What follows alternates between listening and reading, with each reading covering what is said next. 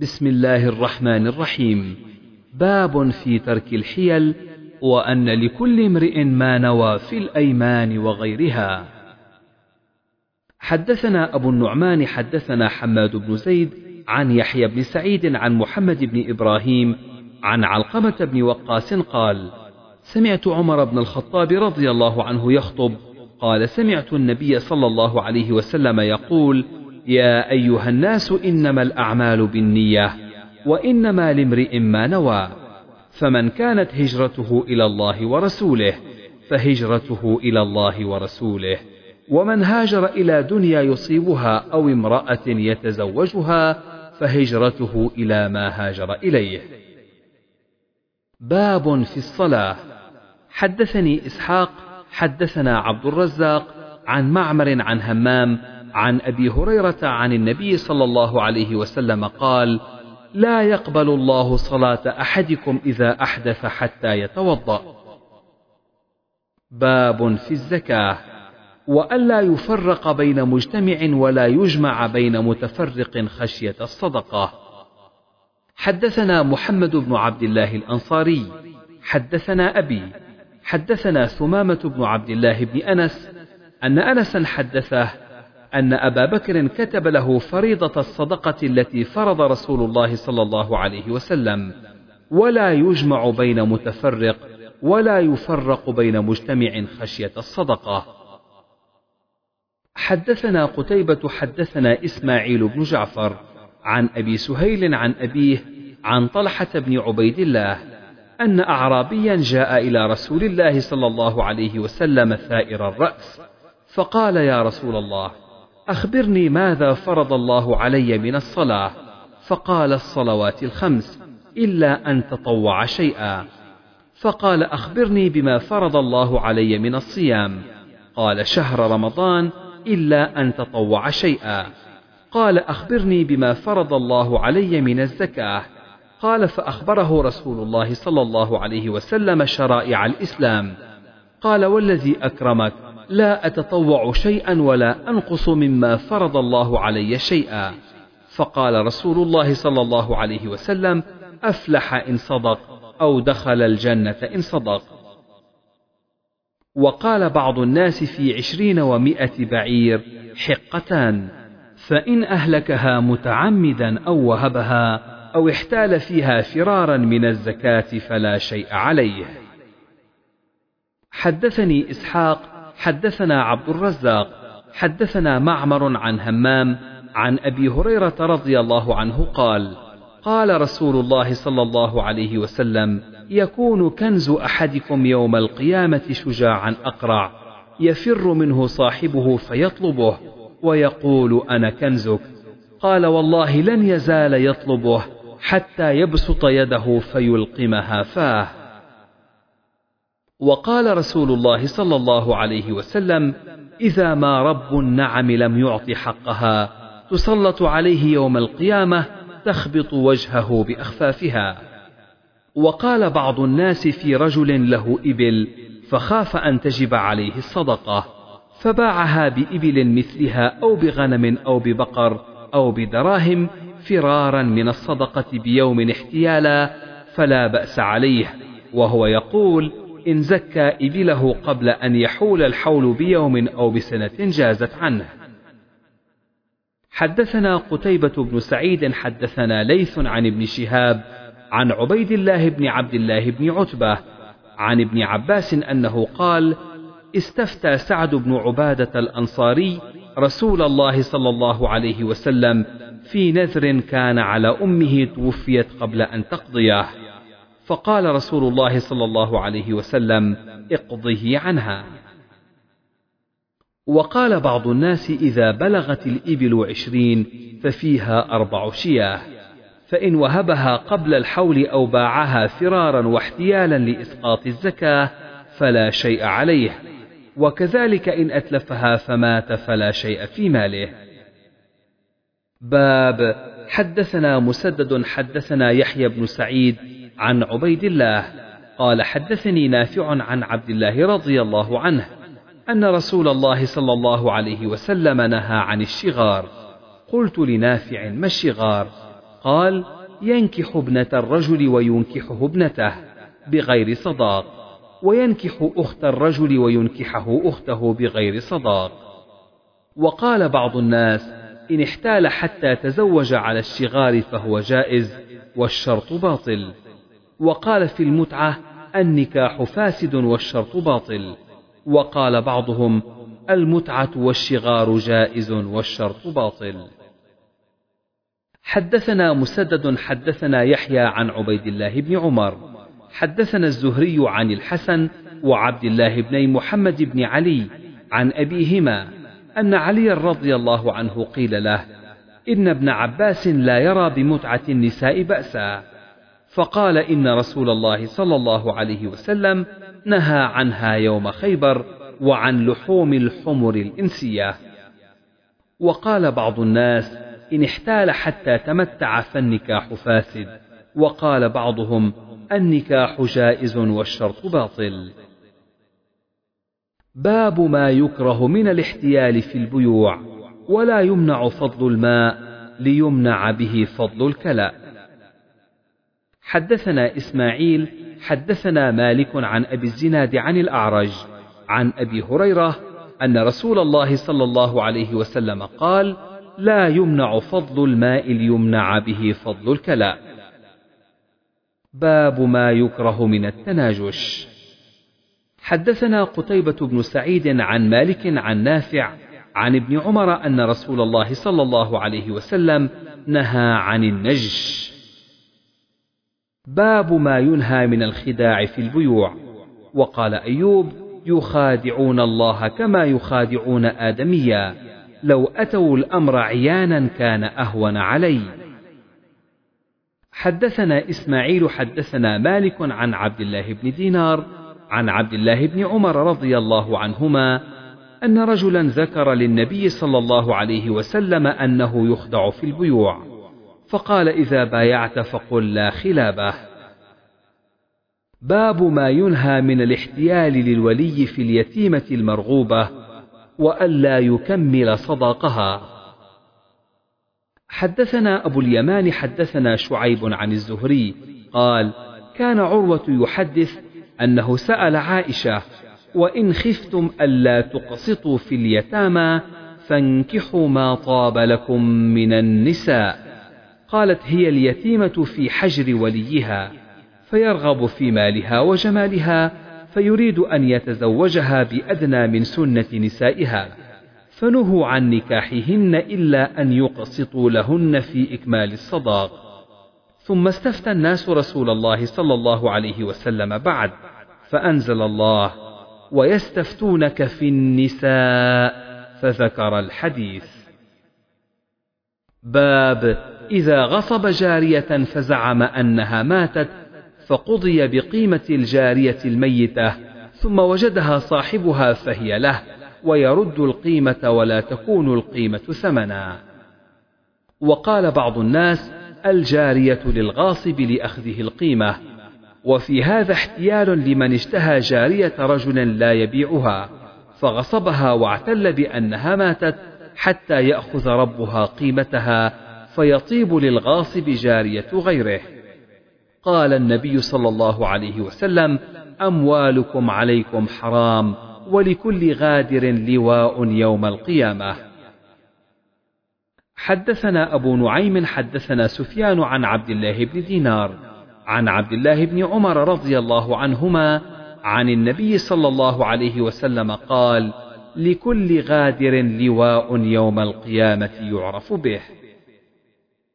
باب حدثنا محمد بن كثير عن سفيان عن هشام عن عروة عن زينب ابنة أم سلمة عن أم سلمة عن النبي صلى الله عليه وسلم قال: إنما أنا بشر وإنكم تختصمون ولعل بعضكم أن يكون ألحن بحجته من بعض وأقضي له على نحو ما أسمع فمن قضيت له من حق أخيه شيئا فلا يأخذ.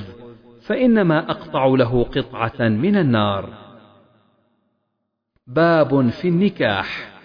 حدثنا مسلم بن إبراهيم حدثنا هشام حدثنا يحيى بن أبي كثير عن أبي سلمة عن أبي هريرة عن النبي صلى الله عليه وسلم قال لا تنكح البكر حتى تستأذن ولا الثيب حتى تستأمر.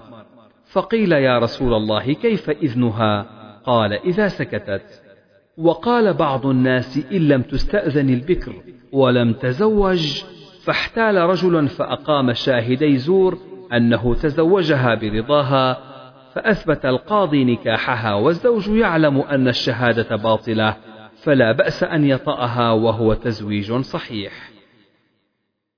حدثنا علي بن عبد الله حدثنا سفيان حدثنا يحيى بن سعيد عن القاسم أن امرأة من ولد جعفر تخوفت أن يزوجها وليها وهي كارهة فأرسلت إلى شيخين من الأنصار عبد الرحمن ومجمع ابني جارية قالا فلا تخشين فإن خنساء بنت خذام أنكحها أبوها وهي كارهة فرد النبي صلى الله عليه وسلم ذلك.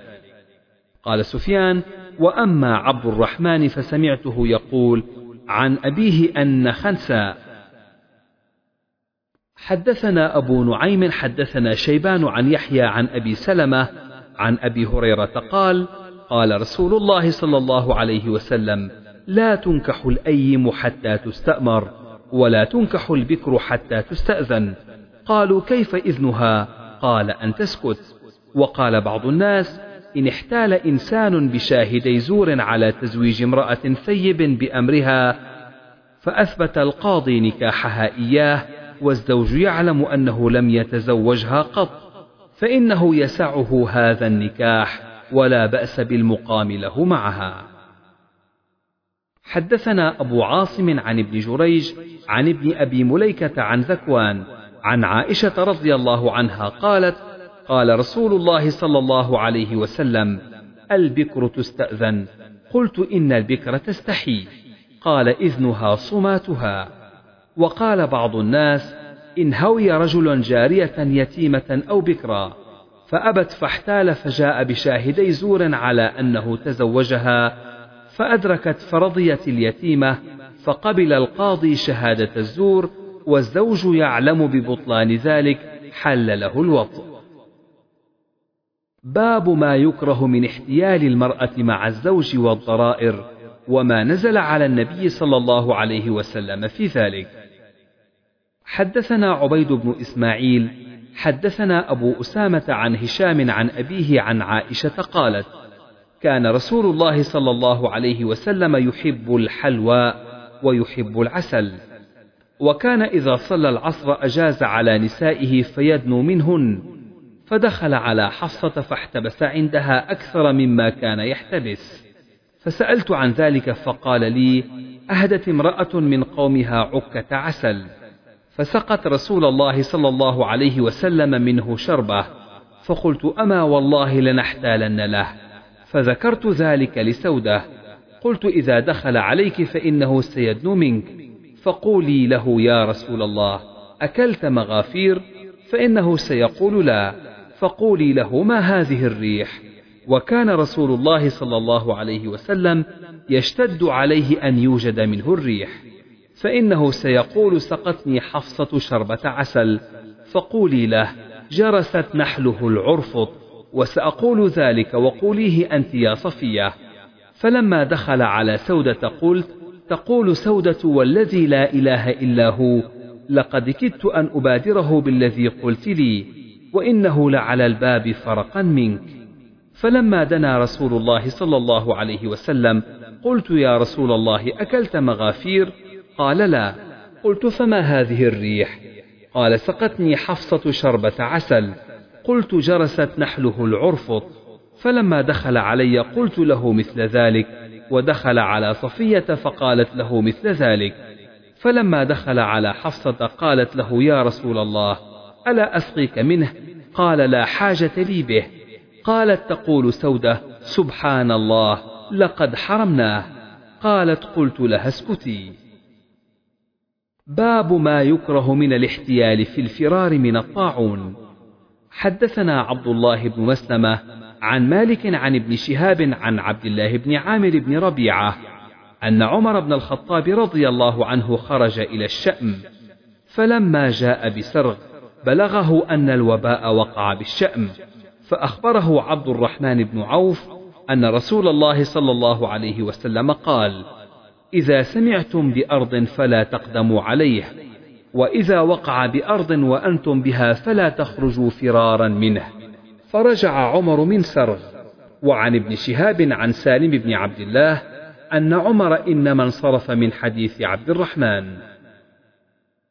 حدثنا أبو اليمان حدثنا شعيب عن الزهري حدثنا عامر بن سعد بن أبي وقاص أنه سمع أسامة بن زيد يحدث سعدا أن رسول الله صلى الله عليه وسلم ذكر الوجع فقال رجز أو عذاب عذب به بعض الأمم ثم بقي منه بقية فيذهب المرة ويأتي الأخرى فمن سمع بأرض فلا يقدمن عليه ومن كان بأرض وقع بها فلا يخرج فرارا منه.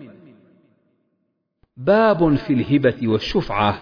وقال بعض الناس إن وهب هبة ألف درهم أو أكثر حتى مكث عنده سنين واحتال في ذلك ثم رجع الواهب فيها فلا زكاة على واحد منهما. فخالف الرسول صلى الله عليه وسلم في الهبة وأسقط الزكاة. حدثنا أبو نعيم حدثنا سفيان عن أيوب السختياني عن عكرمة عن ابن عباس رضي الله عنهما قال قال النبي صلى الله عليه وسلم العائد في هبته كالكلب يعود في قيئه ليس لنا مثل السوء.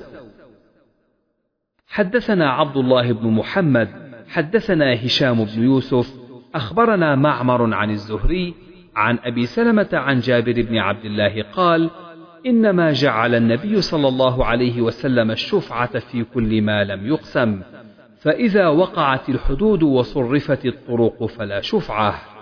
وقال بعض الناس الشفعة للجوار ثم عمد إلى ما شدده فأبطله وقال إن اشترى دارا فخاف أن يأخذ الجار بالشفعة فاشترى سهما من مئة سهم ثم اشترى الباقي.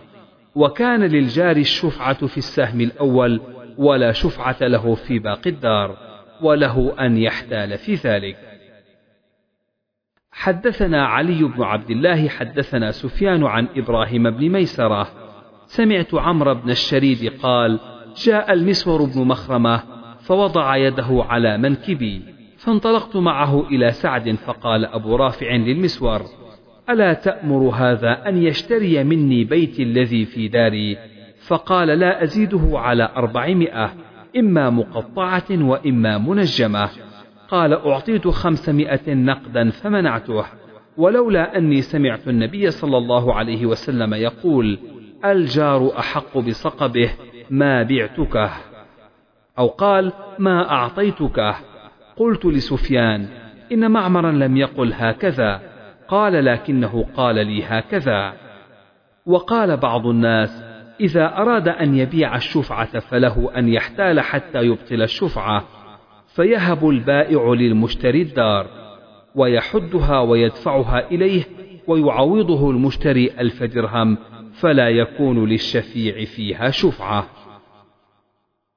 حدثنا محمد بن يوسف، حدثنا سفيان عن إبراهيم بن ميسرة، عن عمرو بن الشريد، عن أبي رافع أن سعدا ساومه بيتا بأربعمائة مثقال، فقال لولا أني سمعت رسول الله صلى الله عليه وسلم يقول: الجار أحق بصقبه لما أعطيتك، وقال بعض الناس: إن اشترى نصيب دار فأراد أن يبطل الشفعة وهب لابنه الصغير ولا يكون عليه يمين. باب احتيال العامل ليهدى له. حدثنا عبيد بن إسماعيل حدثنا أبو أسامة عن هشام عن أبيه عن أبي حميد الساعدي قال: استعمل رسول الله صلى الله عليه وسلم رجلا على صدقات بني سليم يدعى ابن اللتبية فلما جاءه حاسبه قال هذا ما لكم وهذا هدية فقال رسول الله صلى الله عليه وسلم فهلا جلست في بيت أبيك وأمك حتى تأتيك هديتك إن كنت صادقا ثم خطبنا فحمد الله وأثنى عليه ثم قال أما بعد فإني أستعمل الرجل منكم على العمل مما ولاني الله. فيأتي فيقول هذا ما لكم وهذا هدية أهديت لي. أفلا جلس في بيت أبيه وأمه حتى تأتيه هديته؟ والله لا يأخذ أحد منكم شيئا بغير حقه إلا لقي الله يحمله يوم القيامة فلأعرفن أحدا منكم لقي الله يحمل بعيرا له رغاء أو بقرة لها خوار أو شاة تيعر. ثم رفع يده حتى رؤي بياض إبطه يقول اللهم هل بلغت؟ بصر عيني وسمع أذني. حدثنا أبو نعيم حدثنا سفيان عن إبراهيم بن ميسرة عن عمرو بن الشريد عن أبي رافع قال قال النبي صلى الله عليه وسلم الجار أحق بصقبه وقال بعض الناس إن اشترى دارا بعشرين ألف درهم فلا بأس أن يحتال حتى يشتري الدار بعشرين ألف درهم وينقده تسعة آلاف درهم. وتسعمائة درهم وتسعة وتسعين وينقده دينارا بما بقي من العشرين الألف. فإن طلب الشفيع أخذها بعشرين ألف درهم وإلا فلا سبيل له على الدار. فإن استحقت الدار رجع المشتري على البائع بما دفع إليه. وهو تسعة آلاف درهم وتسعمائة وتسعة وتسعون درهما ودينار لأن البيع حين استحق انتقض الصرف في الدينار فإن وجد بهذه الدار عيبا ولم تستحق فإنه يردها عليه بعشرين ألف درهم. قال فأجاز هذا الخداع بين المسلمين. وقال النبي صلى الله عليه وسلم لا داء ولا خبثة ولا غائلة. حدثنا مسدد حدثنا يحيى عن سفيان قال حدثني إبراهيم بن ميسرة عن عمرو بن الشريد أن أبا رافع ساوم سعد بن مالك بيتا بأربعمائة مثقال وقال لولا أني سمعت النبي صلى الله عليه وسلم يقول الجار أحق بصقبه ما أعطيتك